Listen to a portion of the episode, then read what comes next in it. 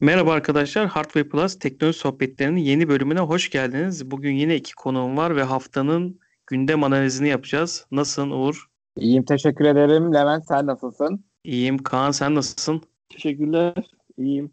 Sizler nasılsınız? İyiyim, Bizler de iyiyiz. Malum bu haftanın en önemli konusu kripto borsalarıyla alakalı. Özellikle Türk borsalarında inanılmaz bir spekülasyon ve korku panik durumu var. Biliyorsunuz Todex firmasının e, öncelikle sitesine ulaşılamadı ve 4-5 günlük bir süreç sonrasında bir ortaklık yapacağını duyurdular. Sonra sahibi yurt dışında olduğu bilgisi yayılınca ve kullanıcılar da siteye giremeyince büyük bir panik oldu. Hemen devlet kurumları baskın yaptı merkezlerine ve şu an gerçekten oradaki yaklaşık 700 bin kullanıcısı varmış. 390 binin aktif olduğunu firma açıkladı medyada konuşulan ama bence çok yanlış olan bir bilgi 2 milyar dolarlık bir vurgun olduğu söyleniyor. 2 milyar dolarlık bir parayla çıktığı söyleniyor. Ama baktığınız zaman bu rakamları takip ettiğim bu kripto camiasının içinden kişiler e, mağdurlara Twitter üzerine ulaşarak belli bir çalışma yaptılar. Yani hangi kripto paralardan siz ne kadar cüzdanlarınıza para göndermiştiniz? O adresleri verin, o kriptoların takibini yapalım anlamında. Çünkü blockchain zinciri üstünde bunu görebiliyorsunuz. Şeffaf bir ortam blockchain, blockchain zinciri. Bu yapılan sonuçlarda sanırım bir Bitcoin'in tam verilerine ulaşamamışlar ama diğer bütün kriptoların ve bazı hesapları verilen Bitcoin adresleri de yaklaşık 150 milyon dolarlık bir hacmi ulaşılabilmiş. Hani konuşulan 2 milyar dolar ama onu da sanırım Habertürk programına katılan Rahmi Bey diye bir arkadaş e, şöyle bir hesap yapmış. Firmanın Todex firmasının verdiği 700 binlik kullanıcı ki bu hani açıp hiç kullanmayan kişiler de olabilir ya da açıp para aktarıp uzun bir süredir kullanmayan kullanıcılar da olabilir. Her bir kişi 3000 dolar e, bu hesaba yani Todex'e para yatırmış olsaydı şeklinde bir hesap yapıp 2 milyar dolara ulaşmış. Bunu da çünkü kendisi bu şekilde söyledi ama piyasada, medyada hep 2 milyar dolarlık vurgun şeklinde geçiyor. Ben öncelikle hani böyle biraz konuyu özetledim. Sizlerin görüşünü alayım. Daha sonra kendi yorumumu da yaparım. Uğur sen de başlayalım. Valla ben de bu haberleri hani hem ilgiyle hem korkuyla hem de böyle yarı böyle ağlasam mı girsem mi haliyle takip ediyorum. 2 milyar dolar ne abicim ya 2 milyar dolar insanlar küçük bir para zannediyor herhalde. Yani ciddi bir para. Türk parasına çevirmeye kalktım da şimdi hatırlamıyorum ya da çok ciddi baya baya baya böyle bir baya baya bir para çıkıyor yani. Bir insan ya, o kadar parayı bu, Türkiye'den öyle küçük hacimli birinin kaldırabilmesinin imkanı yok. Şöyle bir e, şey vereyim. Hani şu an boğa sezonu kripto para piyasalarında ya total market cap 2 trilyon doları yeni gördü ki ve bu gördüğü zaman zaten Bitcoin 60 bin dolarlara falan vurmuştu. Yani 2 trilyonun doların herhalde %0.01'i mi oluyor? Bir tane hiç yani adını sanını duymadığınız hani ben bu piyasa ilk girdiğimde ilk kripto para borsasına para attığım yer Todex'ti ama hemen oradan paramı Binance'e çekmek için atmıştım. O zaman TR Binance yoktu. Bu hacimdeki ve birçok insanın duymadığı bir kripto para borsasında e, bu oranla bir tutarın olmasının ben imkanın olduğunu düşünmüyorum. Kusura bakma sözünü böldüm. Devam et. Ya estağfurullah. Ben de aynı şekilde. Ben ben duymamıştım hiç. Ben bu piyasaya BT isim vermekte bir sakınca kadar BTC Türk'le girmiştim.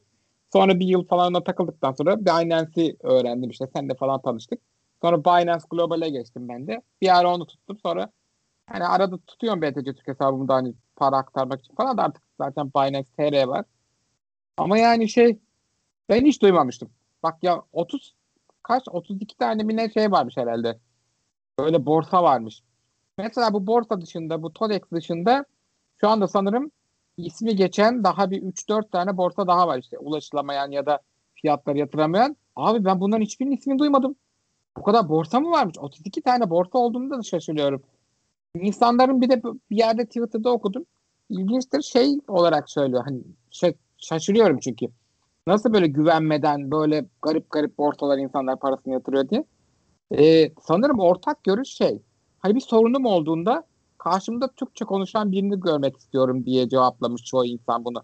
Twitter'da falan anketler yapmışlar. Şimdi o zaman biraz mantıklı geldi ama ne bileyim ya ben İngilizce bildiğim için midir acaba yani bana hiç bu zamana kadar yani sorunum olursa ne yaparım gibisini hiç düşünmemiştim yalan olmasın. Aklıma gelmemişti ama Ha, zaten İngilizcesi vardır diye düşünmüştüm Binance'dekiler. Çözerim diye düşünmüştüm. Ki ilginçtir Binance Global'de bile Türkçe yazışabiliyorsun ki Binance TR'nin zaten Türkçe desteği var. Yani bilmiyorum ya insanlar biraz ben ne cesaret yani böyle o kadar paraları bir de 3000 dolar. Ha, herkes 3000 dolar attı.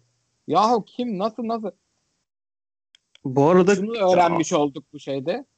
Bu Buyur, devam. coin yani şu an Amerika'daki en büyük borsa Coinbase borsası ve orada da ortalama e, kullanıcıların hani kripto almak için attıkları rakam da 2000 dolar. Yani Amerika'dan daha zengin zaten bir ülke değiliz. Hani hesabın yanlışlığı buradan belli. Amerika'nın en büyük borsasına ortalama kullanıcılar 2000 dolar atarken bizim ya adını sanını çok duyulmayan bir borsada 3000 dolarlar atılması zaten mümkün değil. Yani ya bir de söyleyeceğimi unuttum. Yani bu kripto borsalarını takip ederken bu şeyleri insanlara şaşırdım gerçekten. Yani birincisi e, benim etrafımda neredeyse girmeyen yok. Ya ben hastanede çalışıyorum. İyi kötü dinleyenler artık alışmışlardır. Yani girmeyen yok. Bak ya çevremde bu borsaya girmeyen yok. Hatta artık böyle bu hastası olmuş insanlar var. Sabah adam gece 1-2 saat uyuyor. Sabaha kadar böyle işte. Ay şu saatte Japon borsası açılıyor. Şu saatte Çin saatleri açılıyor falan. Adam hayatını ona endekslemiş. Anlıyor musun böyle? O borsaların açılış kapanış saatlerine göre uyuyor. Yani çoluğuna çocuğuna zaman ayırmıyor böyle borsaya zaman ayırıyor. Yani bu hastalık ya ben de bir ara baktım gördüm böyle bu hallere geldim. Bir de boğa bitiyor gibiydi böyle ayı borsa piyasasına doğru geçiş yapıyorduk. Böyle kendimi çektim biraz. Daha şu anda saving moddayım böyle trade yapmak dışında. Yani insanlar şaşırıyorum. Herkes şey modunda böyle. Atayım şöyle böyle. Abi bin lira koyayım beş bin lira olmuş. Ya gördün mü şey? Aa, böyle bir şey yok. Tamam evet bazı coinlerde vardı. Bu yalan yok. Yani bir koyup beş kazananlar oldu ama atıyorum bir milyon insan ona yatırdıysa bir kişi yaptı. Ya da bilemedim beş kişi bunu başarabildi. Ya bu nasıl bir şey özgüven? Nasıl bir şey? Körlük mü diyeyim? Anlayabiliyorum insanlar TL'de yatırım yani TL çok kötü durumda. Keşke olmasaydık yani dünya çapında falan. Yani insanlar haklı olarak paraları yetmiyor. Ne yapsın ne etsin ne insanlar çırpınıyorlar. Maaşlar yetmiyor. Yani bana da yetmiyor. Ne yapayım ne edeyim bu paramı eritmeden nasıl para kazanayım derdindeler ama Türk insan da hem bilmeden balıklama atlıyor. Yani böyle e, akıllı telefonu zor kullanan insanlar orada bana şey modundalar. Bana da borsa aç. Hadi şuraya girelim. Şu parayı atalım. Buraya bakın. 250 atacağım. Bak 500 alacakmış. Yok diyorum böyle bir şey. Anlatmaya çalışıyorum. Blockchain mantığını anlatmaya çalışıyorum. Yok adamın kafası şey yani dolar yani gözlerinde çizgi film karakterlerin dolar şey var ya adam o mantıkla gidiyor yani böyle. Ve 500 alacağım alacağım 1500 alacak. Yok işte ondan sonra batıyorlar. Bir sürü kişi ondan sonra şöyle ay işte 1000 liram gitti 2000 liram gitti ağlıyorlar şu andaki borsa piyasasında işte bitcoin düşüşünde. E ben ağlamıyorum çünkü ben ona göre düşünüp hesaplayıp ona göre yapmıştım mesela. Çok da zor değil aslında ya biraz okuyup öğren biraz takip etmen yeterli. Bir de çok aç gözlü olmayacaksın yani. İnsanları o konuda anlamıyorum ama yani bu da şunu anlamış olduk. Gerçekten bu verilerde bu e, en son dünyada kaçıncıydık? İkinci müydük? Üçüncü müydük? Avrupa'da da birinci sanırım bu borsalara giriş ve bu Bitcoin ile ilgilenme konusunda. Zaten birinci de şey aa, neydi bir aa, Afrika ülkesi. Nijerya mı ne? Yani parası bizimle böyle neredeyse eşdeğer derecede düşük bir ülke. Adamlarla böyle kapışıyoruz işte böyle. Parası ne kadar düşükse, ne kadar paranın değeri yoksa bu Bitcoin'den umut ediyor insanlar. Çünkü geçinmek zorundayız. Para kazanmak zorundayız. Peki Yani sence şey. sence şu an hani e, burada bir korku, panik, endişe var e, insanlarda Türk borsalarında duran ve tanıdığın, bildiğin Türk borsaların şu an yaptığı açıklamalar sence tatmin edici mi? Yani bazı büyük borsalar var, önde gelen borsalar. Ben Twitter'da vesaire görüyorum. Sürekli bilgilendirmeye çalışan borsalar var. Ve dedi, demin söylediğin gibi adını sanını hiç duymadığım işte Gold Exchange, System Coin gibi hiç adını Bilmem duymadığımız ve Bitcoin mesela bunlar şu an e, hani ulaşılamayan devletin hani bununla ilgili e, sahiplerine operasyon yaptığı borsalar insanların gerçekten motivasyonunu anlamakta hani bu borsalara niye girdiklerini anlamakta zorlanıyorum ama e, diyelim ki e, büyük borsaların tutumunu şu an nasıl görüyorsun? Hiç takip etme şansın oldu mu? Ee, e, yani şimdi işte büyük borsa olarak yalan olmasın. Ben sadece iki borsayın şeyini hem Twitter'da takip ediyorum hem de sahiplerinin Twitter hesaplarını takip ediyorum. BTC Türk'te Paribu.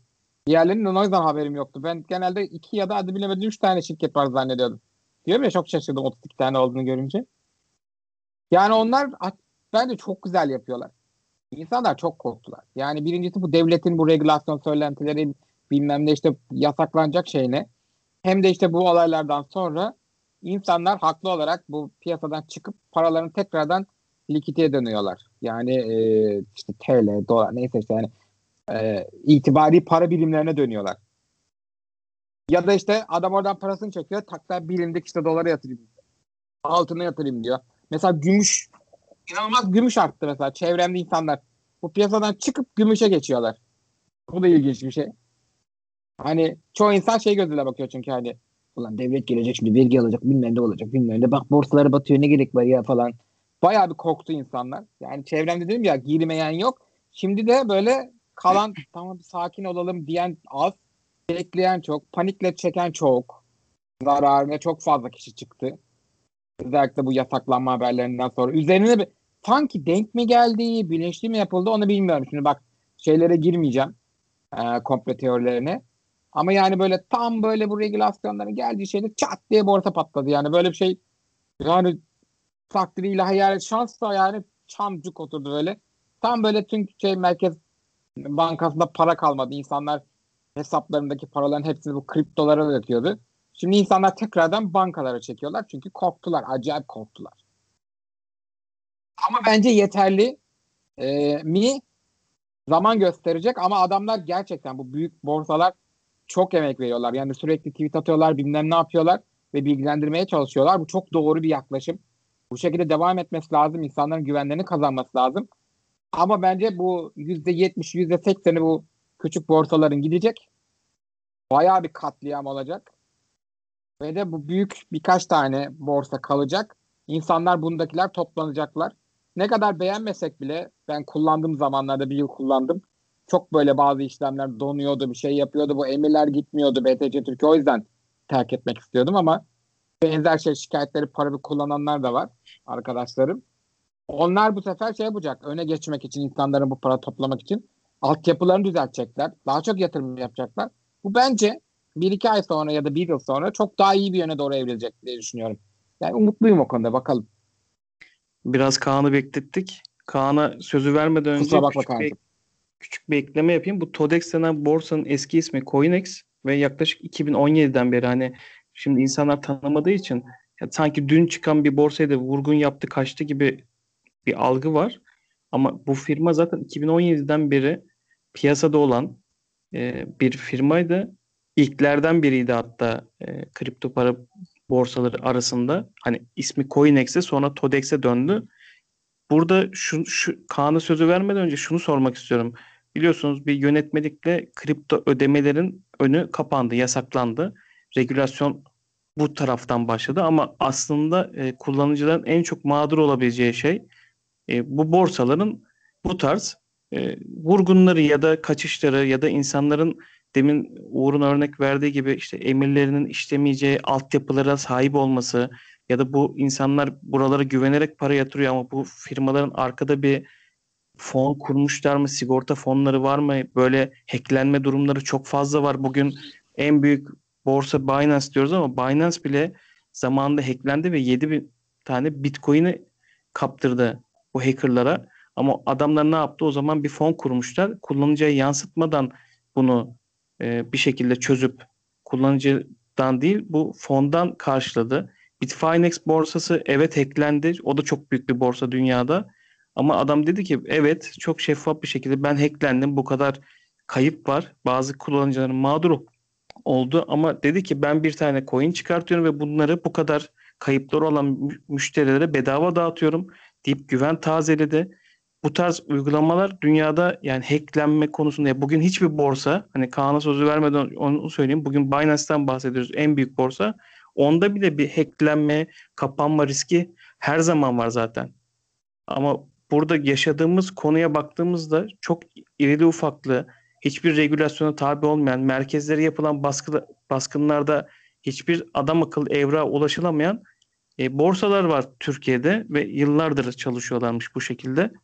Kaan bu bilgiler çerçevesinde senin yorumunu çok merak ediyorum. Ya ben şimdi bayağı anlattınız siz. Ee, yani pek de bir anlatacak bir şey kalmadı. Benim aklıma ne geldi? Ben şimdi e, 40'lı yaşlardayım ben. E, çocukluğumuzda bilirsiniz e, bankerler vardı. E, duyardık büyüklerimizden anlatırlardı ederlerdi falan böyle. E, ben bu işleri şeye benzetiyorum. O zamanki banker muhabbetlerine benzetiyorum.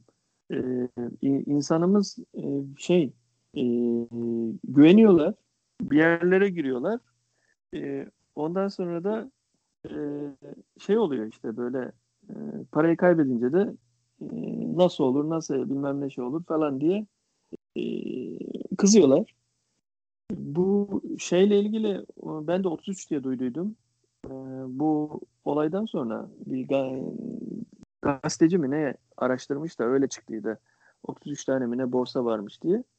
Ama bir borsa var bir borsacık var anladım benim. Çünkü e, çok çabuk e, ben şu ana kadar hatta sabah Twitter'da baktığımda 5.yim 6.yim ne gördüm sıkıntı olduğunu. E, yani 33 tane 6 tanesi bir hafta içinde şey oldu.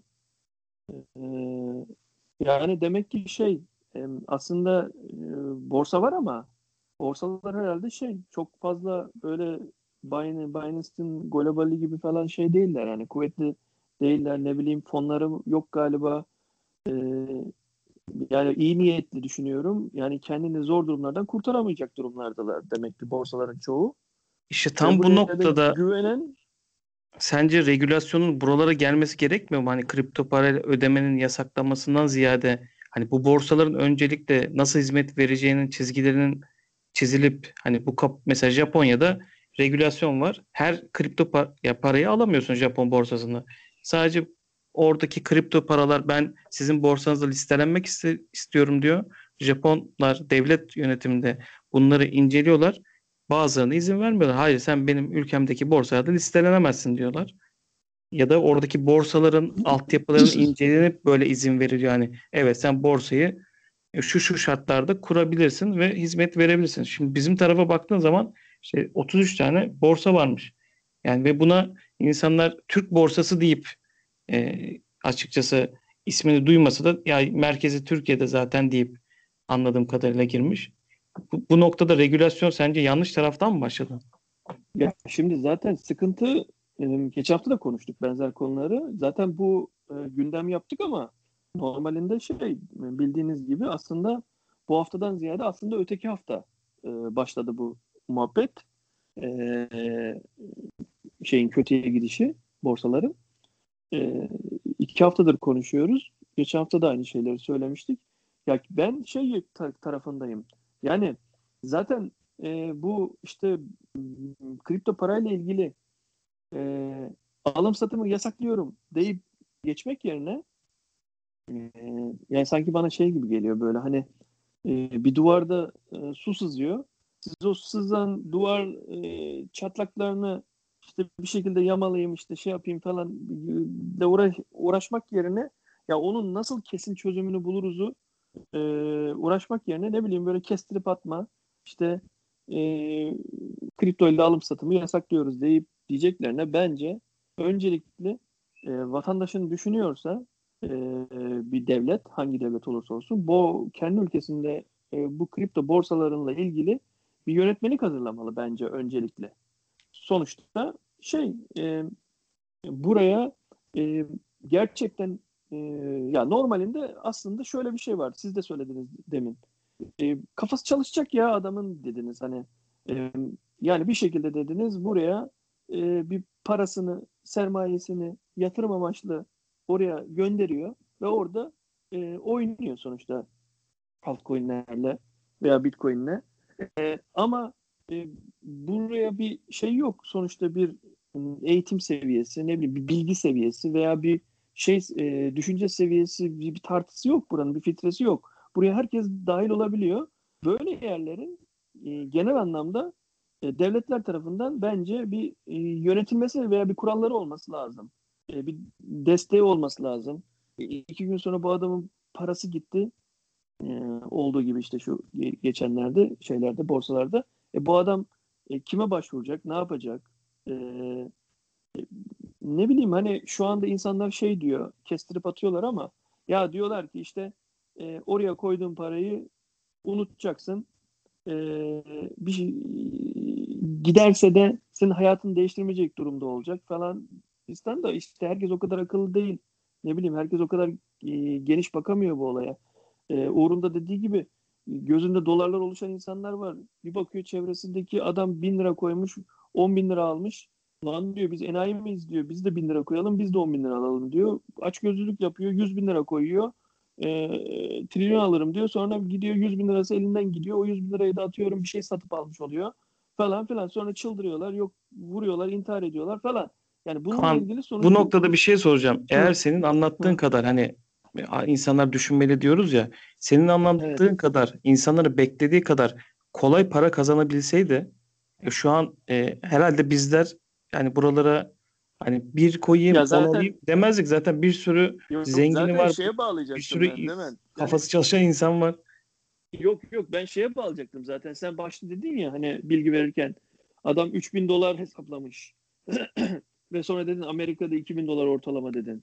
Abi zaten e, ya şöyle düşünüyorum. Bak ben ben bir Amerikalı olsam öncelikle şey söyleyeyim. 3000 lira hesabın çok yani adam nasıl bir gelir seviyesinde yaşıyor bilmiyorum yani. Hani 3000 dolar şu an bir 2000 25 bin lira mı ediyor? Öyle bir şey ediyor herhalde. Yani 25 bin Yani- lira ediyor. Belki de daha fazla ediyor. Bilmiyorum da e, küsuratını ama şu an yani şey e, e, yani çok büyük bir rakamlarla hesap kitap yapmışlar. Yani oradaki herkes 3000 dolarlık adam mıymış? Neymiş? Yani hani o zaman burada atıyorum ben çevremde görüyorum. Hiç e, takılmak için bile atıyorum şey diyor adam. Ya diyor ben diyor bir 200 TL ile gireyim diyor. Bir bakayım bir tartayım öğreneyim diyor. Öğrendikten sonra atıyorum diyor. Onu 1000 TL yaparım. 2000 TL daha gönderirim. Bilmem ne diyor. Basit yani öyle 20-25 bin lira bir anda havale edip de başlayacak adam sanmıyorum öyle yani bu çevremde Ben görebileceğim. gördüm Kaan'cığım ya. Gördüm o yok kadar. yok şey ya illaki iyilik vardır gördüm. de. E, ya benim ben de çevremde gördüm 10 bin lira 15 bin lirayla başlayanları ama hani sonuçta şey e, büyük paralar yani. Bu nasıl bir cesarettir Evet. nasıl bir hani şeydir e, diyorum hep. Şey e, söyleyecektim ben asıl Levent deyince. Amerika'daki adam e, e, yani şöyle adamda enflasyon yok. Adam dolar kazanıyor dolar harcıyor. E, onların enflasyonu olmadığı için hani bizdeki gibi işte dolara çevireyim, işte euroya çevireyim, altın yapayım, ne bileyim gümüş yapayım, ee, ne bileyim ev alayım, iki gün sonra satarım, işte iki sene sonra, üç sene sonra satarım, parama para katarım gibi bir orada şey yok. Orada Amerika'da çalışmaya gidersin, saatlik ücretini alırsın, dönersin evine ve e, refah içinde yaşarsın. Mantık budur. Yani e, çünkü onların e, atıyorum e, 10 yıl boyunca ekmek aynı fiyattır veya 10 yıl boyunca aldığı ne bileyim bira aynı fiyattır. Yani e, değişmez. Telefon aynı fiyattır. E şimdi sen Türkiye'ye düşün. Türkiye'de adam her gün e, ne bileyim veya e, her ay bir enflasyon değişiyor, dolar yükseliyor, euro yükseliyor, kazandığı kazancı e, her her e, ay bir düşüyor. E, ondan sonra bu adam tabii ki şey düşünüyor. Diyor ki ben bir şekilde bu parayı dolar yapayım, dursun bari kenarda birikimim, yatırım yapayım. Ne bileyim euro yapayım, altın alayım. Olmadı işte bir, bir şeyler almaya çalışayım varsa parası. Bir de bu da olanlar bir de bunlar. E, şimdi bu kripto paraya da bakıyor adam. Ya diyor oraya ben parayı göndersem diyor zaten dolar endeksli gönderiyorum diyor. E, dolar olarak bankada bekleyeceğine diyor. Oraya göndereyim dolar olsun diyor. Ben bir de orada diyor ufak tefek diyor altcoin'lerle diyor al sat yaparım diyor. Bir de öyle para katarım diyor. Hiç ellemesem bile diyor. Şimdi şey var ya do- dolar ve e, atıyorum altının karşılığında olan şeyler var orada altcoin'ler var. Coinler var. Eğer on, ha, evet onlara çevirirseniz öyle bırakırsanız yatırım gibi ha dolar doların yükselmesine düşmesine göre onlar da endeksli gidiyor. Öyle de yapabilirsin veya işte ben dersin ki e, Bitcoin'e yatırayım. Bitcoin'de kalsın yıllarca diyebilirsin. Ethereum'da veya ne bileyim ya da e, ben e, oynayacağım dersin altcoin'lerle oynarsın. Mantık budur oraya gidenlerin. Burada Ama- oynama kelimesini düzelteceğim yine Kaan. Kızacağım Ha, bana tamam, ama o- yani yat- oynama yat- yok. yatırım- yani yatırım yapıyorsun, Yatırım. al sat yapıyorsun. yatırım. Ya bana şey gibi geliyor. Ya herkes bazen oynama neden- diyor ama Levent Yok. buna şimdi. Neden, neden oynama deyip Herkes oynama diyor. Bana hani e, Uğur da dedi şey dedi hani e, insanlar dedi işte gece gündüz bakıyor sabah kalkıyor bakıyor falan hatırlar mısınız eskiden Farmil falan vardı.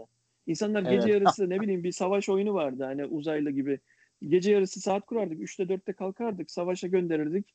İşte gelmiş mi diye bir şey yapardık bilmem ne böyle hani sürekli bir şey yapar. Tabii o zaman telefon da yoktu o zamanlara ne bileyim böyle bilgisayardan yapardın gece bilgisayarını açık bırakırdın falan filan. Ben oradan aklıma geliyor hani oyun gibi böyle şey yapıyorlar gibi. Aslında yatırım dediğin doğru. Ondan sonra yani e, demek istedim Türkiye'de yaşam zor olduğu için kazanmak zor olduğu için e bir de enflasyonla paranın her gün kazandığının değeri düştüğü için insanlar böyle şeyleri arayışlara çok şey yapıyor. Ya zamanında çiftlik bank muhabbeti. E neden? Adam Evet. e, aç, gö aç gözlülük diyoruz ama aç gözlüğe iten de parasızlık işte insanları.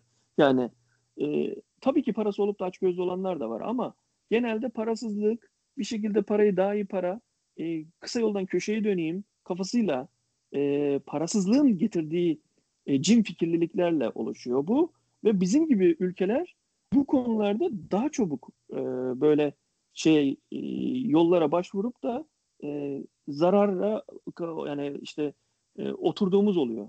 Yani ondan dolayı diyorum ben e, böyle yerlerde böyle e, ülkelerde daha hızlı bir şekilde böyle şeylerin hemen kuralları falan oturtturulmalı.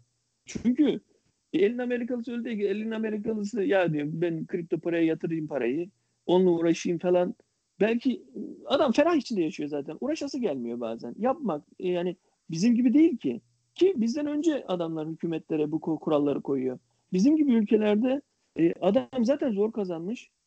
Üstüne e, lan diyor bin lira mı iki bin lira yapabilir miyim diye e, şey e, arıyor çevrede. Borsa olur, e, kripto borsası olur, ne bileyim işte altın dolar olur, araba alayım satayım, motor alayım satayım, işte ne bileyim telefon alayım satayım falan bir şeylerle ek gelir elde etmeye çalışıyor insanlar. Bir şekilde şey yapmaya çalışıyorlar.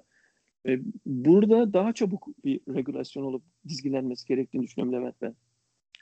E, bu arada biz Uğur'la kripto paralarla ilgili herhalde aylar önce bir program yapmıştık ve biz bazı Evet. şeyleri anlatmaya çalışmıştık. Şu an hani sizin de gördüğünüz, anlattığınız konularda şöyle durumlarla karşılaşıyoruz. İşte şu an boğa piyasasındayız. Yani bu halving sonrası yükseliş piyasasındayız ki Bitcoin'in tarihine baktıkları zaman arkadaşlar bir döngü çerçevesinde hani bir boğa piyasası gelir, bir ayı piyasası gelir. Ayı dediğimiz düşüş, boğa dediğimiz yükseliş piyasasıydı. Ve bunlar belli dönemlerle tekrarlanır. Şimdi tam bu noktada yani bu, bu sene ve geçen seneden beri boğa piyasasının içinde olduğumuz için birçok altcoin ya da bitcoin aylardır yükseliyor. Tabii bunu gören yatırımcı da diyor ki ya ben şeyde kalmayayım hani gireyim adını sanı duymadığım bir para duyuyor. İşte Dogecoin duyuyor, BTT duyuyor, Win duyuyor. Çok yükselmiş. Adam parasının büyük bir kısmını ona yatırıyor. Yani bu coin ne iş yapar? White paper'ını açıp bir hani bu coin'in white paper dediğimiz şey çıkış amacı ve yol planı. Ya burada yazıyor insanlar. Bunları açıp okumadan, bunları bilmeden etraftan duyduklarıyla ya da Twitter'dan ya da Telegram gruplarından pump dump grupları var. Yani bunu alın çok yükselecek. Bizim işte VIP grubumuz var. Bize şu kadar para verin. Biz sizi oraya katalım. Ha onlar var değil mi? Bir Durmadan-. İşte bu asıl e, hani kripto para ile ilgili yapılacak regülasyonlar, kontroller, borsalar, bu tarz gruplar insanları çünkü e, açıkçası simsarlar böyle yönlendiriyorlar. Kendi yükselmesini istediği paralara, çok düşük hacimli paralara insanları yönlendiriyorlar. Yükseldiği zaman tepeden yükle aldığı için aşağıdan satıyor. Tep o yukarıdan zengin olacağım diye giren adamın bir bakıyorsun ki %40, %50 zararı var.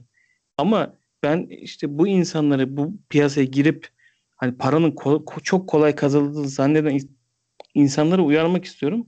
Para o kadar kolay kazanılmıyor arkadaşlar. E- eğer öyle bir şey olsaydı şu ana kadar zaten bunu birçok zengin, birçok yatırım uzmanı bizlerden çok çok önce girer bu şekilde kazanırdı. Böyle bir gerçekten anlatıldığı kadar bir dünya yok. Kimse zorla kazandığı alnının terini bu tarz işte simsarların yönlendirmeleriyle e, al sat yaparak kazanacağını düşünmesin. Parayı yatıracağı Ama- bir coin'i araştırsın. Bu Bitcoin piyasasının nasıl bir döngüsü var, nasıl bir e, hani çerçevede yükselir, neye göre yükselir bunları araştırmadan kimse para yatırmasın. Ondan Ama sonra Levent çok zaten- fazla mağdur oluşuyor. Mehmetciğim Zaten burada bir şey araya girmek bu- istiyorum. Tabii buyurur. Ee, bu Kaan da söyledi bak. Milletini düşünen hükümet. Yani şimdi burada siyasete girmiş gibi olacağım. Özür dilerim dinleyicilerimizden ama yani bizim ben hükümetimizin gerçekten halkımız düşündüğünü düşünmüyorum. Bir. İkincisi daha bu devletimiz bu paranın ne olduğuna karar vermedi. Bak kripto parayı bir para olarak değerlendirip bunun kullanımını yasakladı satın almalarda değil mi? Ama geçenlerde bir haber vardı. E, bunun biz yorumunu da yaptık geçenlerde yine. Hani bir kişinin haciz gelmişti. Sonra kişi şeye başvurmuş. Kişilerin başvurduğu işte mahkeme hangi gittiyse Danıştay neyse işte. Ona başvurmuş ve orada karar çıkmış. Bu hesaplar ve bu kripto paralar emtia gibi değerlendirilip yani bir mal varlığı, taşınmaz mal varlığı gibi değerlendirilip haciz edilebilir. E şimdi hükümet diyor ki bu bir paradır. Satın alımda kullanılabilir ve ben bunu şey yaparım. Yasaklıyorum kullanımını. Ama bir tarafta mahkeme diyor ki bu emtiadır. Altın gibidir, işte ev gibidir, araba gibidir, yatırım aracıdır. Ben bunu haciz ederim. Yani devlet daha bunun ne olduğuna karar vermemiş. Amerika'da iyi kötü bunun emtia olmadığını, bunun bir para birimi olduğunu kabul edilmiş ama şimdi onlar bizim gibi böyle başka paraları alıp yatırım yapmadıkları için paranın emtia olma kavramına alışkın değiller. Kaan çok haklı orada. Adamın ülkesinde enflasyon yok. O yüzden bizim aynı zamanda bu paralar bizim için birer emtia. Dolar da aslında bizim için birer emtia.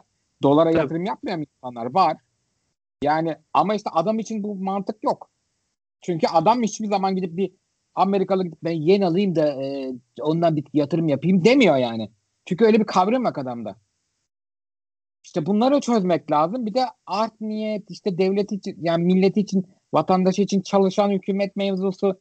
Yani mesela bu e, bizim refah içinde yaşadığını düşündüğümüz ülkeler bunlarda neden hiçbir şey yapmıyorlar? Vatandaşları neden son sıralarda? Adam zevkini oynuyor Finlandiyalı şutu butu falan. Adamın zerre umurunda değil kripto para çünkü o kadar ferah içinde yaşıyor ki. O bu onun için ne biliyor musun? Teknoloji, eğlence. Aa bak böyle bir şey varmış buna gireyim bakayım. Ha işte eğlencesine bak bir hesap açayım. İşte Bitcoin varmış. Şundan biraz alayım. Falan filan modunda. Bizim gibi can havliyle bu paraya sarılmıyor işte bak. Bizim gibi ülke Venezuela, Nijerya bilmem ne Uganda falan filan. Bunların hepsinde esas kanun dediği gibi regüle ihtiyacı var. Çünkü biz çok hızlı giriyor, giriyoruz. Çok fazla bunu kullanıyoruz. Ve bizim gibi ülkelerde esas bu regülasyona ihtiyaç var ama işte zaten aslında e, sonuç sebebini doğuruyor bir bakıma ters orantılı olarak. Böyle ülke olduğumuz için biz daha hızlı girdiğimiz için de vatandaşını korumadığı için de devlet regüle etmiyor. Etmediği için de zaten bu piyasa olup insanlar para kazanıyorlar. Regüle edilmiş güzel bir ülke olsa zaten bu dediklerimizi konuşmayacağız. Yani ne Daha- desem bilmiyorum. Çok Daha hızlı da ya.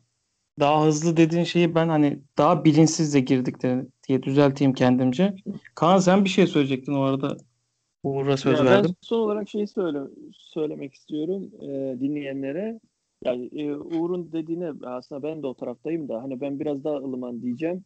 Hani e, belki başka ülkelerden de dinleyen vardır bilmiyorum da yaşadığınız ülkelerdeki hükümetlerin bu konularda e, vatandaşı düşünmesini beklemeden bence e, başkalarının sen de söyledin Levent hani başka böyle Twitter'dan bilmem takip ederekten işte başkalarının sözleriyle para çok önemli çünkü yani para zor kazanılan bir şey. Hani şey yapmasınlar. e, o dedi işte şuna yatır, bu dedi buna yatır, onu yapayım falan. Ya zaten baksınlar bu adam e, bu kadar biliyorsa zaten o adam zengin olmalı. Ya o yani bu işten dünya zengin olmalı. Dünya zengin değilse o zaman hani verdiği her tüyonla şey yapmayın. Yani biraz e, aklınızı kullanın diyorum ben. O şekilde Kaan şey ben sana şöyle bir katkıda bulunayım. Yani bu trader olarak yani işi gücü bırakıp sadece ekran başında alsat yapan kripto Evet. uzmanları bile kendi e, değerlendirmeleri birçok birçok e, hani kendi güvenilir bulduğumuz kişiler bile diyor ki benim analizimin yani güvenilir ol- olma şeyi yok. Hani yüzde yüz çalışacağı bir şey yok. Hani çalışmayı da bilir. Ve bu baktığın zaman yüzde altmış bilme oranları varmış. Yani hani bu kadar tahminde bulunuyor. Yüzde altmış oranı var. O bile garanti değil. Ama insanlar işte orada bir grafik görüyor. Orada bir kişi aa şunu yazmış. Benim arkadaşım da bunu almış deyip yani neye istinaden hangi motivasyonla burada motivasyon şu kolay yoldan zengin olacağım. E, Eskiye bakalım Yani. işte Sülün Osman neler yapmış işte e, bundan Ya önce siz zengin olacaksınız deyip toplayıp insanların parasını nasıl alıp bir yerlere kaçmış. bu, bu dünyalarda eğer siz çok para çabuk para kazanacağınız, zengin olacağını düşünüyorsanız orada kullanmanız gerektiğini düşünüyorum. Ekleyeceğiniz bir şey yoksa hemen Apple lansman ürünlerine geçelim diyorum. Var mı Olur. ekleyeceğiniz bir şey? Olur. Kaan senle senle başlayalım. İkiniz de bir Apple kullanıcısısınız ve yakından çok yakından takip ettiğini hatta Clubhouse'larda odalarda yorumcu olarak da sizleri takip ettim ben. Kaan sen de başlayalım. Neler sundu Apple lansmanda? E, nasıl bir yorumun var bu ürünlerle ilgili? Evet, bizim çok Uğur'la çok sevdiğimiz konular. Apple deyince şeyimiz Öyle vallahi. kabarıyor böyle. Öyle ne, nereden başlasam diyorum. O kadar çok güzel şeyler var ki yani hani oradan mı girsem, buradan mı girsem hani keyfini biraz şöyle Yayınlanmış uzatayım da sıralamasına girelim ya. uza- uzatayım da keyfini mi çıkarayım falan tarzında. Ya Peki şöyle- o ürünleri aldığımız zaman ikiye katlayacak mı Kaan? Valla e, şu ana kadar aldığım Apple ürünlerinde hepsinde şey oldu. Yükseldi yani de bu tabii ki konumuz değil ama e, bizim şeylerle ilgili ya. Bu kurlar, vergiler hep söylüyoruz yani bu ağzından hiç düşmeyecek bir şey. Kavram benim. Kur vergi, kur vergi bu. Hani hiçbir zaman e, bu konuda e, şey yok yani hani fikrimizin değişeceği bir durum yok çünkü her şey ortada. Adam oraya da yazmış zaten sitesine girdiğinizde e, fiyatı şu kadar, vergisi bu kadar diye yazıyor adam. Amerika'da bilirsiniz e, şeydir e, normal fiyatının altında şu kadarı vergidir diye aslında vergisiz fiyatı yazar. Siz kasaya gittiğinizde vergisini de ödersiniz. Amerika'da satışlar öyledir ama Türkiye'de vergi içinde satılır.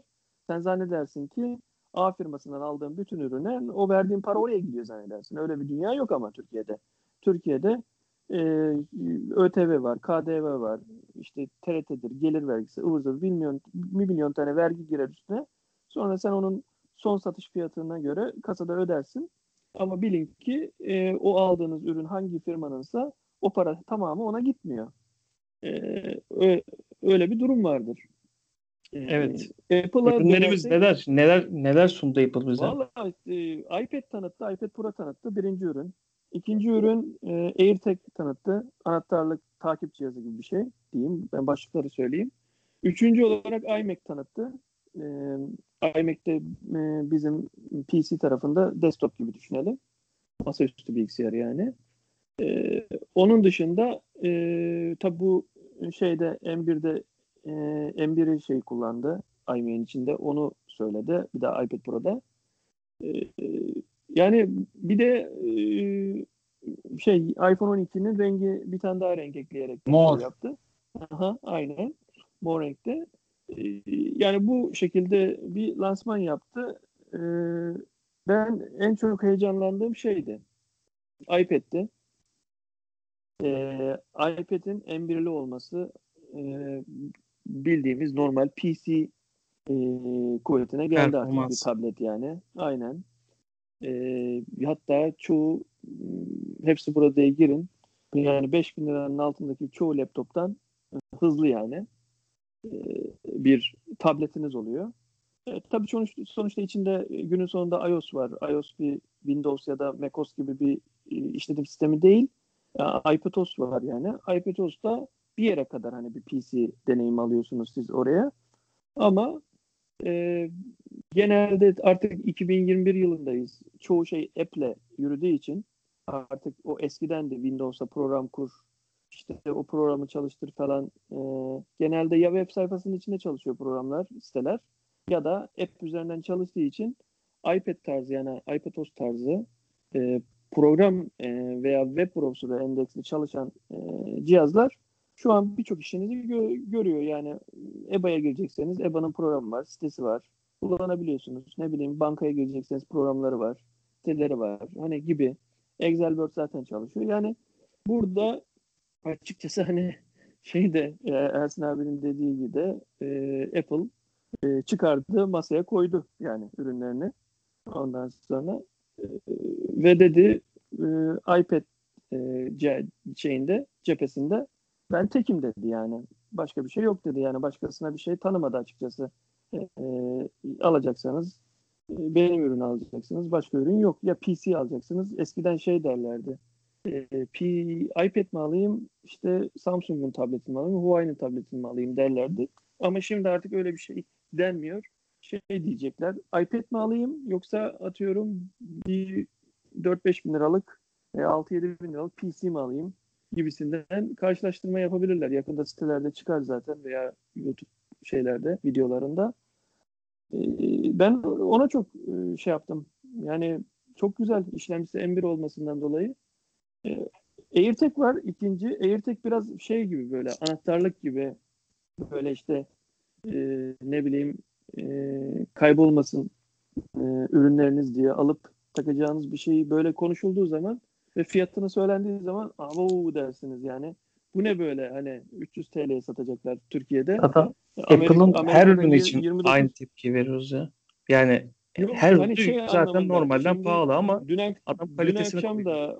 da e, dün akşam da Clubhouse'da bir programa e, yayını dinledim de o dinlediğim yayında da böyle e, sonuçta insanların seviye seviye şeyleri oluyor. Bilgileri oluyor. E, bazı bilgisi bilgi olanları gö- dinliyorum böyle gülüyorum yani. Hani e, Bilgi olmayanlar demek. Ha yani yani mesela bayanın biri geliyor şey söylüyor diyor ki işte bu ne işe yarar diyor birisi anlatıyor. E, dinlediği halde yanlış anlıyor mesela. Çünkü e, o işte Apple e, mağazasına gittiğinde eğer almaya karar verdiyse onun kafasında o bir takip cihazı veya ne bileyim işte bir anahtarlık için bir pul gibi bir şey gibi geliyor ve o e, şey diyor yani 300 lira mı verilir ya buna ama e, kullanacağınız durumlar çok değişken olabilir. Yani yeri gelir paha biçemezsiniz ya. Mesela en basitinden Uğur da e, tıp sektöründe bilir ya Alzheimer hastalarında düşünsenize e, onun e, cebine attığınızı ve e, çocuğu olduğunuzu düşünün ve takip ettiğinizi yani hani ne bileyim e, dedenizi, babanızı, ne bileyim ananızı hani e, böyle Alzheimer olan bir hastalığı olanı takip etmek istediğinizde e, böyle güzel bir şey. Hani e, ne bileyim ama hani derseniz ki bir valiz içine bir çanta, sırt çantam kaybolmasın diye koyduğunuzda diyebilirsiniz ki yani 300 lira mı verilir ona falan diyebilirsiniz. Ya çantadan bir pahalı cihaz. olursa tabii bir anlamı olmaz. Hani koyduğun şeyin çanta Ama 100 aslında liralık koyduğun 29 şey dolar 300 lira. yani 29 birim. Aynen. Aslında e, şey e, yurt dışında Bize Tabii. Amerikalı 29 olsak öyle. Evet. Amerikalı olsak pahalı. öyle. Burada da öyle. Bir burada de da şurada öyle küçük bir Güzel şey bir çanta. Kaan'cığım çok özür dileyerek bir araya girebilir miyim burada? Tabii tabii. Ee, Apple'ın Apple sitesinde bu konu çok açıkça evet çok açıkça belirtilmiş. Bu cihaz cisimleri takip etmek için tasarlanmıştır. İnsanları değil. O yüzden ciddi güvenlik önlemleri var. Bundan bahsediyoruz. Yani aslında o Alzheimer'lı şeyde o işe yaramaz. Yani Ya- burada şey, yaparsın. anlamın- Apple Apple Watch takarsın. Mesela insanlar çoğu şey çok soruyorlar işte. Çocuğumu nasıl takip ederim falan. Çocuğuna Apple Watch alacaksın. Ya da o yaşlıyı Apple Watch Aslında alacaksın. öyle tabii. Sonuçta şöyle bir şey var. Türkiye'de dersen dün- 4000 lira mı vereceğim diyor. E, evet. Zaten e, AirTag şey AirTag e, şey böyle hani üzerinde sim kartı, bir GPS'i, bir online olan bir cihaz olmadığı için ve kimse bak ben çok araştırıyorum, bakıyorum sağa sola daha o bilgiyi edinemedim. Mesela Bluetooth e, ile çalışıyor. Bluetooth'un şeyiyle e, protokolüyle 2.4 GHz'de çalışıyor. E, ve e, 10 metre ile 100 metre arasıdır Bluetooth aslında şey öyle derler 10 metre ile 100 metre arası derler ama duvar mı var bir şeyler girdiği zaman bu 30-40 metreye kadar düşer rahat. Ee, Bluetooth şey kulaklık kullandığınızda bilirsiniz. Ee, Bağladığınız yerden uzaklaştıkça ses kopabilir. Şeyine kalitesine göre e, versiyonuna göre Bluetooth'un şey olur. Ee, Ona göre bağlantı mesafesi belli olur. Şimdi o tabii ki o ayrı bir şey. Mesela senin dediğin doğru. Saatte güzel olur. Mesela saatte şey var. Ee, GPS var. e, e, Ya da e, Amerika'da eSIM, yaşıyorsan e, yok eSIM. Yok eSIM de var zaten. eSIM'le çalıştırabiliyorsun ya saati yeni. Türkiye'de de var eSIM artık. Hani öyle bir şey de yapabilirsin ama dediğin gibi şimdi bir 300 lira vermek var, bir 3000 lira vermek var yani. Öteki de 3000 en azından pahalı kanka. 5 4000 liradan başlıyor. yani e, öteki en azından e, ne bileyim bir gömleğine hani eskiden biz nazar boncuğu şey yapardık ya iğnelerlerdi ya hani öyle bir şeyle bir işte e, onu iğneyle bir takıp Ben diyecek uyarı verecek sürekli. Onu demek istiyorum. Hayır yüzden ya çalışıyor. o, ona ya sonuçta sen şöyle bir şey var yani e, diyecek ben ben açıkçası şöyle yani sonuçta ben onu takip etmek anlamında ondan gizli yapmayacağım ve o uyarıyı da Hayır ama işte sistem onu bilmeyecek. Ya sistem bilmesin. Sen mantığını kullanıyorsun. Yani sonuçta e, atıyorum deden e, ben bir dolanıyorum dedi çıktı. Attı bir elin, elini beline e, şey sırtına başladı yürümeye gitti. Sonra unuttu geri. En azından sen iki lan bir saate gelecekti gelmedi bu nerede bir bakarsın atıyorum başka mahalleye yürüdü gitti gider alırsın gibi bir şey hani anladın mı? Yani en azından biraz daha şey. E, ya tabii bunu yapan insanlar ben çevremde görüyorum. Buna benzer mesela en basiti e, adama ucuz bir Android telefon alıp içine program yükleyip bu e, life bilmem ne programları vardır. GPS'ten takip etme. Çocuk programları tarzında. Öyle şey yükleyip de takip edenler de var. Hastalarını, anasını, babasını. Tamam. Hani, ha, öyle de var da hani bu şekilde de demek istiyorum ki bir 300 dolar şey 300 lira verirsin ama bir gün böyle bir olayda onu 5 dakika içinde bulduğun zaman dersin ki lan bu 300 değil belki 3000 e, dolar değerindeymiş benim için dersin hani. Anlatabiliyor muyum yani? Hani Ya da hayvanlarda zamanlar da olabilir. kullanılır. Tabii tabii kedisine köpeğine köpekte. bağlayanlar E onlar çocukları bileyim. gibi seviyor insanlar çünkü. öyle şeylerde kullanılacak bir şey. iMac mi kaldı bir konuşmadığım? iMac'te şey bildiğiniz normal e, eski iMac'ten e, M1 işlemcili olması masaüstü zaten. Ya masaüstünde şöyle heyecanlanamıyorum ben. Masaüstleri zaten sonuçta sabit elektriğe bağlı bir cihazdır. Yani sabit elektriğe bağlı bir cihazda istediğin kadar kuvvetli yapabilirsin içindeki şeyi. Beni heyecanlandıran mobil olup bir elektriğe bağlıymış gibi güç verebilen, kuvvetli olan, sana o deneyimi verebilenler heyecanlandırıyor beni. o heyecanlananlar oldu. Aynen benim iPad'de heyecanlanıyorum. Niye? Ben çantama atıyorum, çıkarıyorum. Orada bana bildiğin e, o kadar e, kuvvetli laptoplarla yarışacak bir şeyi yanımda taşıyabiliyorum. Ama iMac'te heyecanlanmamamın sebebi iMac sonuçta elektriğe bağlı bir şey. İçine koy i9 bilmem ne fanlı e, şeyi hayvan gibi bir tane desktop'la evde yap. Yani kuvvet kuvvet bir sonu yoktur yani desktop'ta. Kuvvetlendirebilirsin istediğin kadar. Yani e, o yönden hani ben şey yapmak istemiyorum. E, onda heyecanlanmıyorum. Sonuçta Peki bir şey. Lafını böldüm. Bu iMac'in en ucuz modelinde kablo kablo ile internete bağlanamıyorsun en azından şeyle.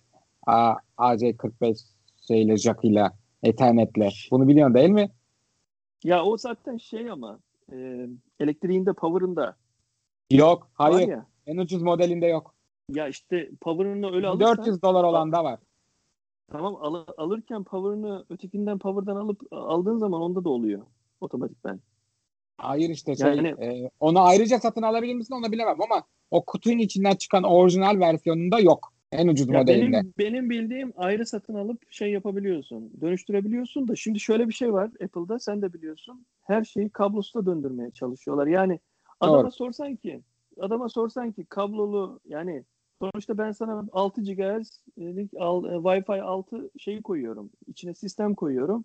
E, sen modemin de 6 ise zaten kablodan daha hızlı bağlanabiliyorsun. Kabloya niye ihtiyacın Doğru. var mantığı var onlarda. Yani onun için aslında yavaş yavaş bir şey yapıyorlar. Yani laptop kullanıp da kablo takanlar çok nadirdir mesela. Hani çünkü şeyin gereği e, o sana verdiği hizmet gereği e, kablo takmazsın yani. Bir i- mesela bir iPad'e veya bir telefona kablo takan var mı? Yok ama ne kadar yüksek Ama bu desktop. Te- tamam desktop ama sonuçta e, adam şey e, yani sonuçta diyor ki sen diyor bir network ağı kurarsan evinde güzel bir şey network ağın vardır zaten diyor. Varsa da diyor zaten kabloyla uğraşmazsın diyor. Zaten adam kabloyu gizlemeye çalışıyor. Elinden geldiği kadar kablo yok ama olsun istiyor. Şöyle Türkiye'deki internet hızlarıyla kablolu bağlanmakla kablosuz bağlanmak arasında bence ciddi bir fark var yani. Yok sonuçta Bence o kadar 25 yok ya. Interneti, 25 megabit internetin varsa en kötü kablosuz bile 25 megabit interneti yani şöyle olur. Bakın, Hayır şöyle oluyor. Örnek veriyorum ben o, onun içinde bakın, network, Network girersek girmeyeceğiz, bilgi- girmeyeceğiz. Bilgilerimi döktüreyim ben size şimdi hayır şöyle. gi- girmeyeceğiz. Şimdi- Şunu demek istiyorum. Şimdi ben oyun oynayan bir insan olarak kablolu taktığımla kablosuz oynadığım arasında ping durumunda inanılmaz fark var.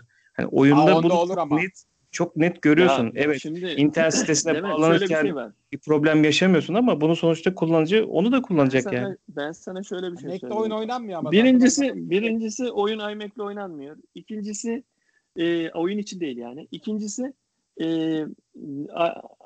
iMac'te şu şey e, nasıl söyleyeyim ben size? Şöyle bir şey var. Aslında e, evde insanların kablo bağlamasının sebebi bir oyun oynarken bir oyuncunun dan bahsediyorum. Bir oyuncunun evde kablo bağlamasının en büyük sebeplerinden biri o modeme wireless kirliliğiyle başka in- insanların da girip o interneti e, bir şekilde e, kullanmasında e, daha öne çıkabilmektir. Kablo her zaman daha öne çıkar. Modem çalışma prensibi gereği sen e, bir e, bilgi istediğin zaman önce kabloluya daha şey yap. Yani sen kabloluyla mesela o e, modemin internetini sömürebilirsin ama wireless'la sömüremezsin. Wireless'ta şöyle bir teknoloji vardır. Kaç tane bağlarsa otomatik o kadar client'a, istemciye şey yapar, paylaştırır, böler. Der ki işlemcisine söyler. Şu an bana 5 kişi bağlandı wireless. Ha der 5 kişi bağlandıysa sen o zaman der her an hazır ol 5 kişiye eşit şekilde verecek şekilde internetin dağıtmak şeklinde e, hazırda bekle der işlemcisi modemin. Ama kablo tarafına hiçbir zaman öyle demez. İstersen dört kablo bağla, tek kablo bağla. Hangisi önce bilgi istiyorsa ona önceyi ver der. E, ondan dolayı genelde oyuncular evde kablo bağlarlar. Anası, babası veya başkası wireless'la bağlanıp o sömürmeye çalışsa bile o her zaman bilir ki kabloyla bağlandığım için ben o şu anki evimdeki internetin en hızlısını pingi ben alacağım kafasıyla e, bağlayıp yapar diye düşünüyorum yani ya da e, sağdan soldan duyduğu kablo iyidir diye kablo bağlıyorlar yani öyle düşünüyorum. Tamam yani eğer evet, söyleyeceklerin bu kadarsa Uğur'a geçmeden önce ben e, bu AirPod'lerle ilgili zaten, bir şey söyleyeceğim. Tabii tabii zaten Uğur'la beraber anlattık çoğu şeyi de sen söyle yine. Peki burada Uğur'a sözü vermek vermeden önce şunu sormak istiyorum. Birincisi AirPod'lere e, güçlü işlemci koyması MacBook'ların e, satışını etkilemeyecek mi? İkincisi de bunu Apple'ın yapmasının sebebi bu katlanabilir telefonların yani genişletilebilir ekranların tabletten tablete dönüşen telefonların e, nasıl bir işlemci koyarlarsa koysunlar bununla e, güç anlamında kıyas kabul etmeyecek bir hale geldiği durumdayız. Sizce Apple bu noktada bunu da e, öngörüp önden mi yer aldı? Tablet dünyasında zaten tartışmasız tekti ama bu tarz alternatif bir çözümün de önüne geçmiş olabilir mi bu hamleyle? Şimdi sen e, söyledin iPad e, Pro'dan bahsettin muhtemelen. Hı hı. E, AirPad dedin ama şey, Pardon e, yanlış. he, şey iPad'den bahsettin diye düşünüyorum. Ben şöyle geçen de konuşmuştuk başka programda. Normalinde aynen de evet mantıken dediğin gibi bir iPad'le diyorsun ki iPad alacaksa adam niye e, MacBook alsın? MacBook Air alsın. E, veya ne bileyim gidip iMac alsın aynı güçtelerse falan diye düşün, sordun diye anlıyorum ben. Ben geçen de e, benzer bir şey söylemiştim. E, normalinde aslında Apple'ın şöyle bir satış stratejisi var bence. E, hepsinden almanı istiyor senin eve. Ve hepsinin yeri ayrı diyor. Sen diyor e, iPad alıyorsan iPad'i iPad olarak kullan diyor. Yani iPad ile ilgili yapabileceğin şeyler. E, telefon telefon görüşmek için diyor. E, bir tane e, diyor işte ne bileyim diyor taşımak istiyorsan bir yerlere götürmek istiyorsan macOS kullanmak istiyorsan e, Mac Air al diyor veya Mac, MacBook Pro al diyor. E, şeyse de diyor e, çok e, atıyorum kuvvetli işin varsa da diyor o zaman diyor I, iMac, iMac Pro alırsın falan diyor. Yani aslında hiçbiri birbirinin şeyini kesmiyor. E, önünü kesmiyor bence bana göre. Çünkü şöyle bir durum var. Bu e, Apple e, daha çok Amerika böyle İngiltere gibi böyle daha şey firmalara yani şey ülkelere göre düşünüp üretiyor. Aslında bizim ülkemize göre düşünmüyor. Yani bizim yaşam, yaşam standartımız nasıldır? E, girersin bir siteye bir şey alacaksın. Her işimi yapabileyim diye ne alayım acaba diye bakarsın. Ama bir şey de öyle değil. Her işimi yapayım e, olayıyla üretmiyor aslında Apple. Apple diyor ki atıyorum öğrenci diyor iPad'le diyor işini görür diyor. iPad alsın diyor. Ya da diyor ne bileyim macOS kullanacaksa diyor gitsin e, Mac Air alsın diyor. Ya da diyor işte e, evinde diyor şey olsun diyor. E, e, Mac'i olsun diyor. E, ne bileyim işte yanında şirkete gittiğinde e, Mac Pro'su olsun diyor. E, bir sunum bunum yapacaksa da bir iPad olsun falan şeklinde düşünüyor. Yani o şekilde bir e, stratejiyle sattığı için bence şey olarak düşünmüyorum ben. Hani önünü keseceğini edeceğini hepsinin yine geçen yıl ne satıyor ya da daha önce ne satıyorsa sayılar muhtemelen benzer sayıları yine yakalayacaktır. Evet Uğur sen lansmanı takip ettin, ürünleri takip ettin. En çok heyecanlandığın ürün ne? Ee, ve demin sorduğum sorunun cevabını da alabilsem sevinirim. En çok heyecanlandığım ürün ee, ben de iPad'e heyecanlandım. O zaman önce şey yapayım. Çünkü bence en uzun, ilginçtir, en az heyecanlandığım gibi bir ürün ama AirTag hakkında daha çok konuşmak istiyorum. Hızlıca en az konuşacağımdan en çok konuşacağıma doğru gideyim. Ee, iMac'ler bence çok güzel olmuş. Şu ana kadarki en ince bir bilgisayar. Yani çok ince. Benim şu anda kullandığım Mac'in alt tarafından daha ince. Öyle düşün yani. MacBook Pro kullanıyorum ben. Kullandığım MacBook Pro'dan alt tarafından bahsediyorum. Kapanmış halinden değil yani yarısından daha ince yapmışlar. 10 nokta bir şey 8 nokta bir şey. O kadar ki kulaklık jakını o 3.5 milimetre kulaklık jakını tersten sokamıyorsun. Yandan koymuşlar. Yer yok. Normalde kaç? 10, 14 milimetre mi ne onun genişliği, uzunluğu. O kadar sığmıyor yani kasa. O kadar ince yani. Bütün o Çin dediğimiz bu çene dediğimiz kısma koymuşlar tüm bilgisayarı. Arkası full ekran. Yani sadece ekran ve soğutmaya ayırmışlar. O kat inanılmaz derecede ince. Arkası çok güzel, renkleri çok tatlı. Ama sen rengi arkasını görmüyorsun. Onu çok güzel bir yerlerde eleştirmişler. Yani sen önünü görüyorsun. Önün ne alakaysa bilmiyorum. Yani bu ekranın etrafındaki çerçeveyi beyaz yapmışlar. Bu Apple'ın böyle garip garip huyları var. Herkes şey diyor siyah. Kesin onun replacement şeyleri çıkar. Ee, kitleri çıkar böyle. Oraya siyah yapıştırırlar falan. Bence de siyah daha güzel durur. Daha derin, daha büyük hissiyatı uyandırır. Ve de o mesela normalde eski iMac'lerde ön tarafta da tam o Çin dediğimiz yerden Apple logosu vardır. Burada yok mesela. Bomboş bir ekranla karşılaşıyorsun. O biraz garip. Renkleri çok tatlış. Ee, ama mesela şey kırmızıya ben çok yükseldim ama kırmızının önü pembe. Yani pembe bir ürün ya. Pembe bir bilgisayar almam yani diye düşünüyorum. Yani kırmızı güzel ama önü pembe yapmış. Çok ilginç.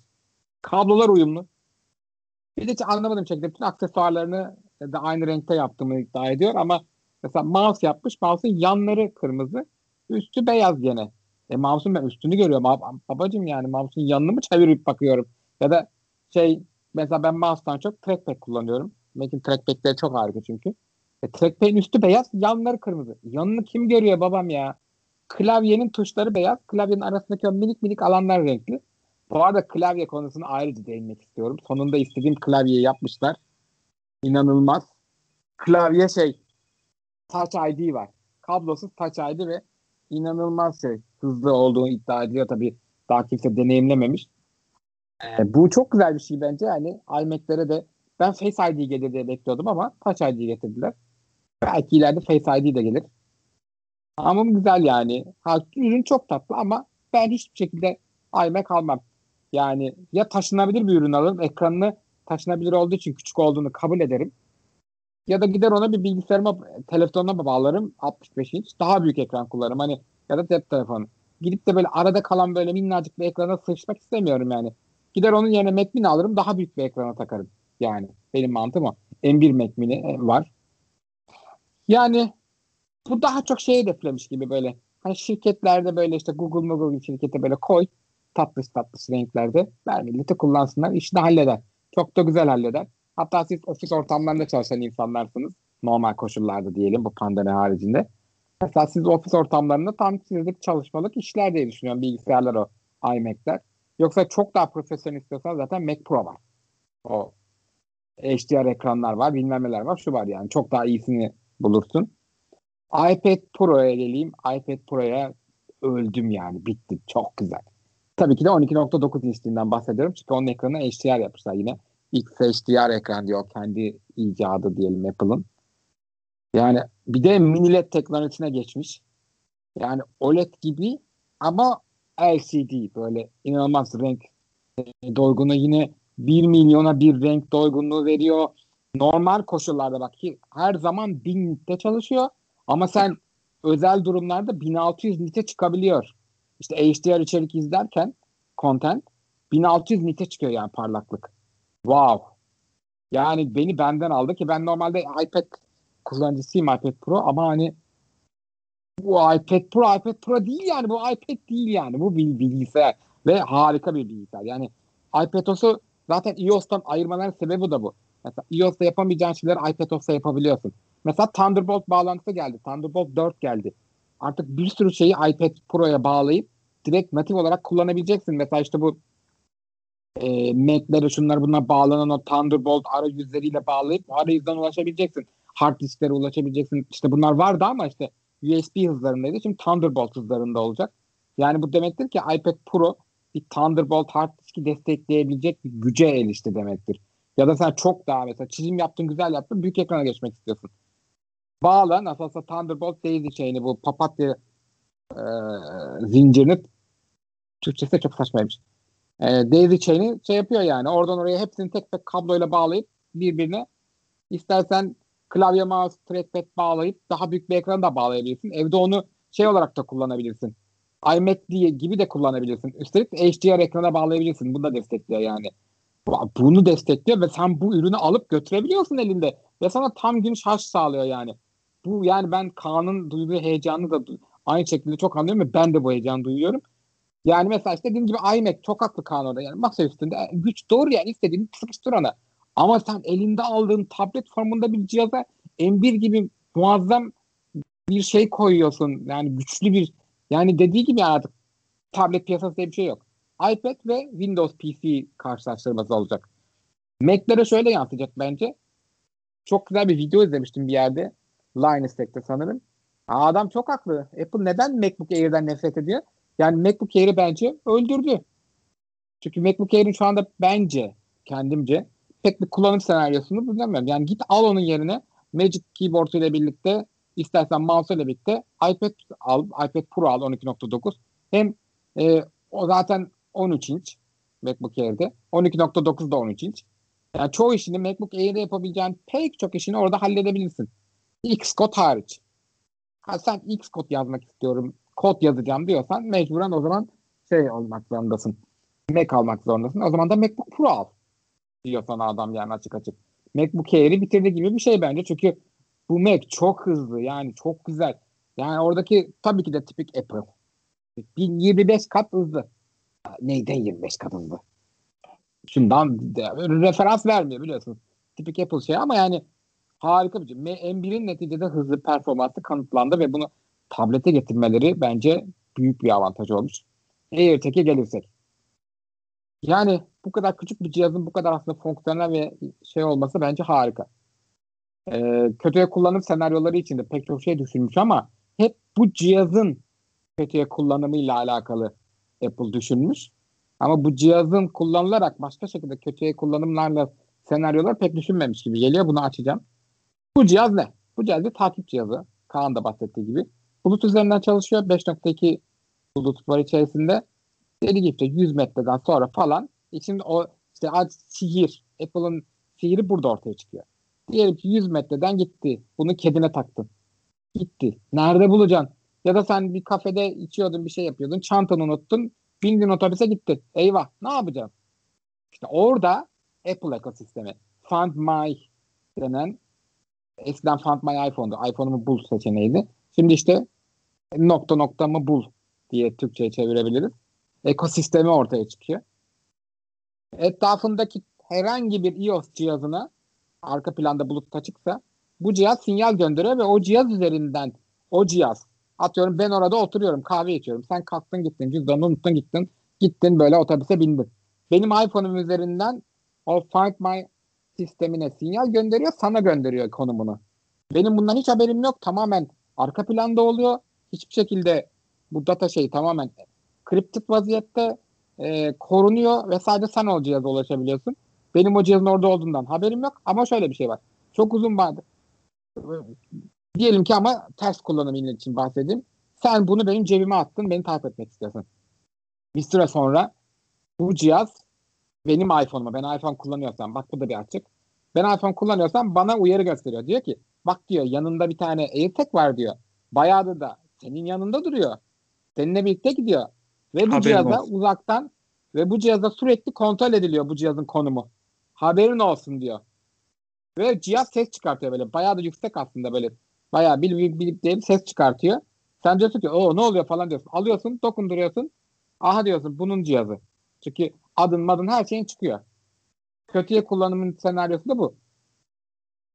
Ama mesela sen dediğin işte bunun çocuğunu takip ediyorsun. Hatta Allah korusun ama mesela çocuğunu yabancı biri aldı götürüyor falan. Bu sistem onda çalışmayacaklar. Çünkü ses çıkarsa çıkarsa bu şey yaparsa adamın da iPhone'u varsa e, orada olduğunu bilecek zaten cihazın. Zaten O en yüzden büyük diyorum ya çocuğuna ve Baş- yaşlına saat alacaksın. aslında en büyük şey hani etrafta iPhone olması lazım hani en büyük hani kullanılamayabilecek bir var. şey. Dünyanın her yerinde o kadar çok iPhone satıyor ki 1 milyar aktif kullanıcısı var. 1 milyar aktif cihaz ne demek ya? 1 milyar. Zaten dünya nüfusu 8 milyar. Yani şu bunun 1 milyarı da çocuk olduğunu varsaysan zaten dünyanın yarısında iPhone var demektir. Zaten dünyanın neresine gidersen git Türkiye'de de çok fazla iPhone var. Yani baya baya network'e bağlanırsın. Hiçbir sıkıntı çıkmaz. Mesela ben çünkü şeylerimi Uğur, kulaklığımı şunu bunu çok rahat buluyorum her yerden. Uğur şöyle Ha, bir şey sonra. diyeceğim araya girip.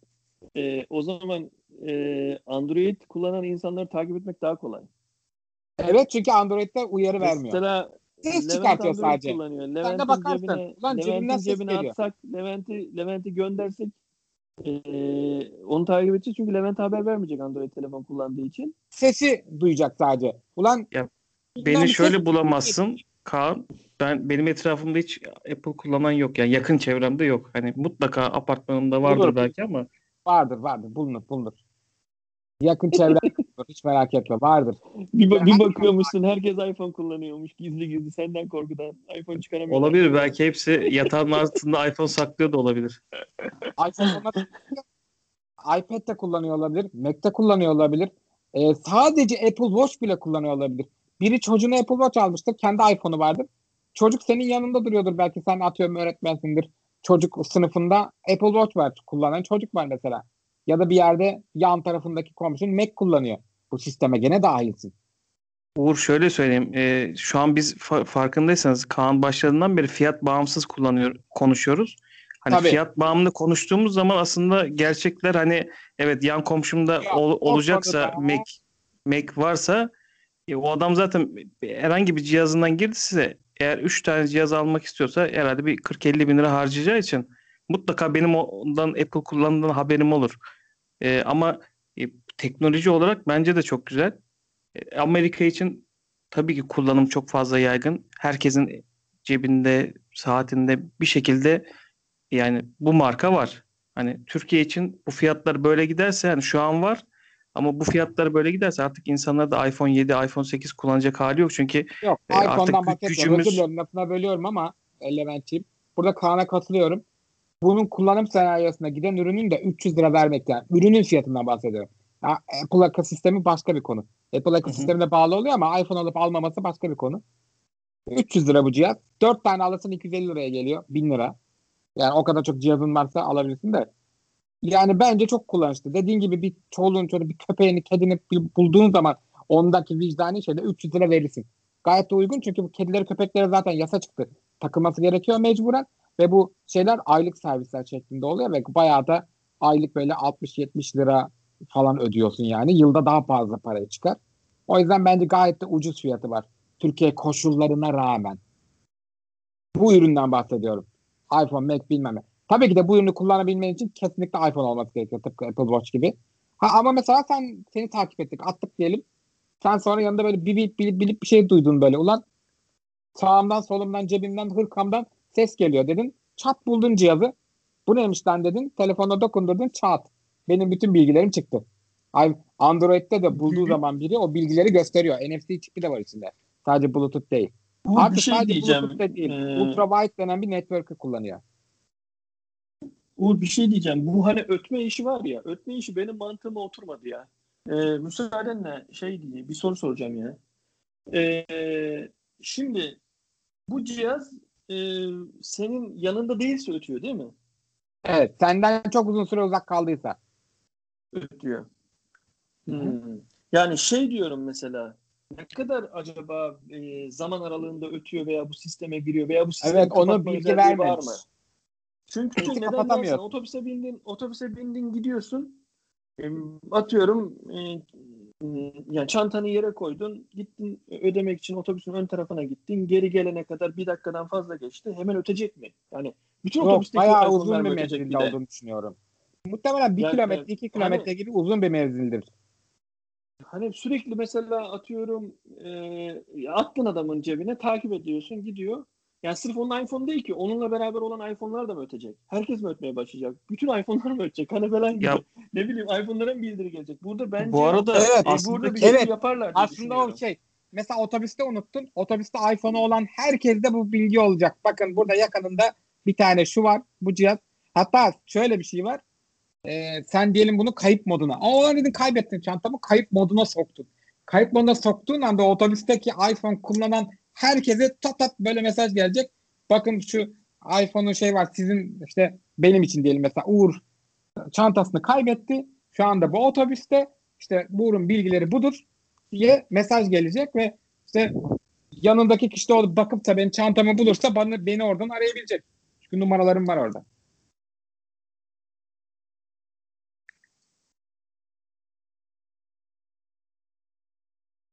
Uğur söyleyeceklerin bittiyse istiyorsanız yavaştan ben şey- kapatalım. Doğruyorsunuz zannettim. O yüzden durdum. Yani bence güzel e, bir teknoloji. Android'leri tabii ki de hani Apple bunu desteklemiyor. Ama onda da şöyle bir şey var. Apple biliyorsunuz her şey kendi yapmaz. Kendi parayı kazanmak ister ama her şey kendi yapmaz. Third partilere bırakır.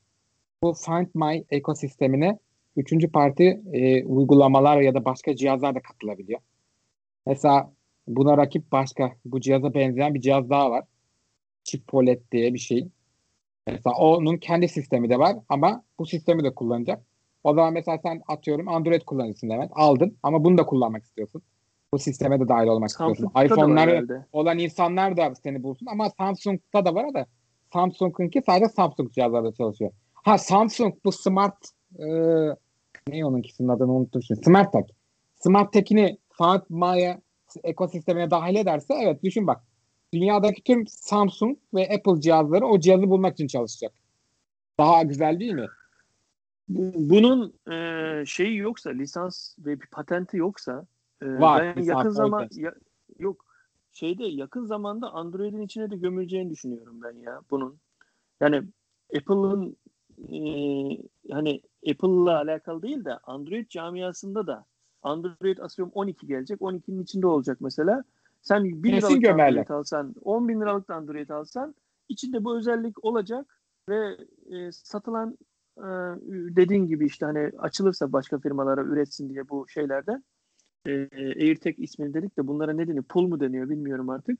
Tek Ee, diye hani- geçiyorlar. Etiket. Aha, te, te, he, e, onlardan e, mesela her firma üretip Android'de yani yapılsa daha güzel olur gibi geliyor bana. Levent'in dediği Ya gibi bunun hani için Apple tamam şey lazım Apple ama. gerçekten çok büyük bir ekosistem var. Çok Apple satıldı. Belki e, çoğu insan elinde Apple var ama e, Android'de azınlanacak kadar değil. Android de çok var. Yani bence bu Android camiasında da gömülü ama Android'in içine. Yani Samsung üretmeyecek veya atıyorum Xiaomi kendisi koyabiliyorlar bu özelliği ama koymayacaklar.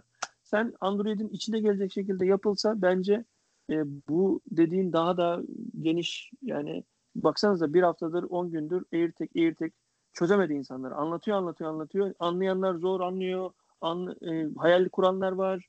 Ne bileyim farklı e, şeyler koşullarda kullanırım yok sevgilimi takip ettiririm yok bilmem ne yaparım falan. Yani her gün bir konuşma Bence oluyor. bunun için Air o Find My sistemi lazım. Find My sistemi gibi bir sistem Android'in genelinde kurulmasını ben çok zor buluyorum. Hani düşün bak böyle bir sistem olacak. Tüm üreticiler bu sistemin içine entegre olacak kendine. şey Yani zor. düşün Uğur. Mesela bizim de AirDrop var ya. Bu AirDrop'un Evet. benzerini Android şimdi yaptı. Yeni versiyonda var. Bütün Android'ler birbirlerine dosya transferi çok hızlı bir şekilde wireless kullanıp yapabiliyorlar. AirDrop'un aynısı. Ee, iPhone 12'de. Ay aman e, Android 12'nin Ay- içinde mi geliyor bu? 12 de olmaz. Ya da 11'de geldi. Bilmiyorum tam. Hani a- Emin değilim. o yönde- Kimsede de görmedim e, kullandığını. İşte bilmiyor insanlar. Halen WhatsApp'tan atıyor resimlerini, videolarını. Hani bir iPhone kullananlar bile bilmiyor ya. Adama diyorsun ki kalitelisini bana göndermen lazım diyorsun. Adam iPhone kullanıyor. E, WhatsApp'tan atayım mı diyor. Ya diyorum hayır diyorum. Doğru Getiriyorsun, AirDrop bak şuradan- Ha.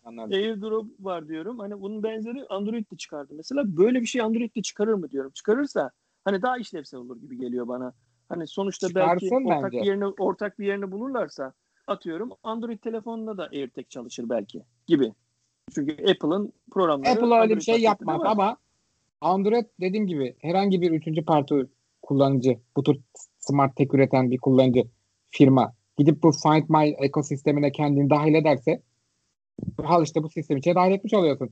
Kendi sistemine entegre edersen hem Android telefonlarla çalışır hem iPhone cihazlarını da kullanır. Düşün o zaman benim iPhone vasıtasıyla şeyde bütün cihazını her şeyini şey yapabilir. Levent de takip edebilir o zaman. O Chipotle dediğimiz şeyi alırsa. Şimdi e, burada amaç anladığım kadarıyla AirTag'de sizin anlattığınızdan e, daha çok kişileri ya da hayvanı değil de kendi eşyalarını takip etmek o- anladığım kadarıyla. Tamamen evet. Yani burada hani değil. farklı ta- insan takip etmek için olmadığını ben de anlıyorum çıkarma amaçlarının. Yani kendi kaybolacak eşyalarını e, takip etme sistemi bu aslında. E, ben dün Kaan'la da bir başka programda konuşurken şunu demiştim. Eğer gerçekten çok değerli bir eşyam varsa e, ben bunu hani çok değerli bir eşyamsa sigortalamayı da düşünebilirim. Tabii bunu alıp sadece bulmanı sağlayan bir şey. Orada hani sigorta bir, bazı şeyleri geri dönüşünü sağlıyor ya da zarar etmemen için bir kısmını alabiliyorsun. Tabii onun aylık ödemesi var. Yıla vurduğun zaman tabii ki bundan pahalı olacak. Ama örnek veriyorum ben çantamı kaybedeceksem yani çanta 100 lira bu 300 lira bir soru işareti kalıyor benim kafamda. E, Teknoloji güzel. e, Bence de kullanan mutlaka olacaktır. E, ama benim hani hayatımda neyi değiştir diye düşünüyorum. Şu ana kadar böyle bir cihaz kullanmadım. Yani 37 yaşına kadar geldim. Bundan sonra kullanırsam neyimi değiştirecek diye düşündüğüm zaman hani diğer lansman ürünleri kadar açıkçası heyecanlanmıyorum. Tabii heyecanlanmaktan kastım şu. Hani fiyat bağımsız konuştuğumuz için, teknolojiyi konuştuğumuz için insan heyecanlanıyor. Fiyatları gördüğün zaman zaten e, ister istemez bir demoralize oluyorsun. Evet doğru. Var mı eklemek istediğiniz bir şey? Çok keyifli bir sohbet oldu bugün. Yok benim. Teşekkür ederim. Kaan senin var mı? Yok benim de yok. Tamam. Çok teşekkür ederim. Çok keyifli bir sohbet oldu. Bir başka Hardware Plus teknoloji sohbetlerinde görüşmek üzere. Hoşçakalın. Hoşçakalın. Hoşçakalın.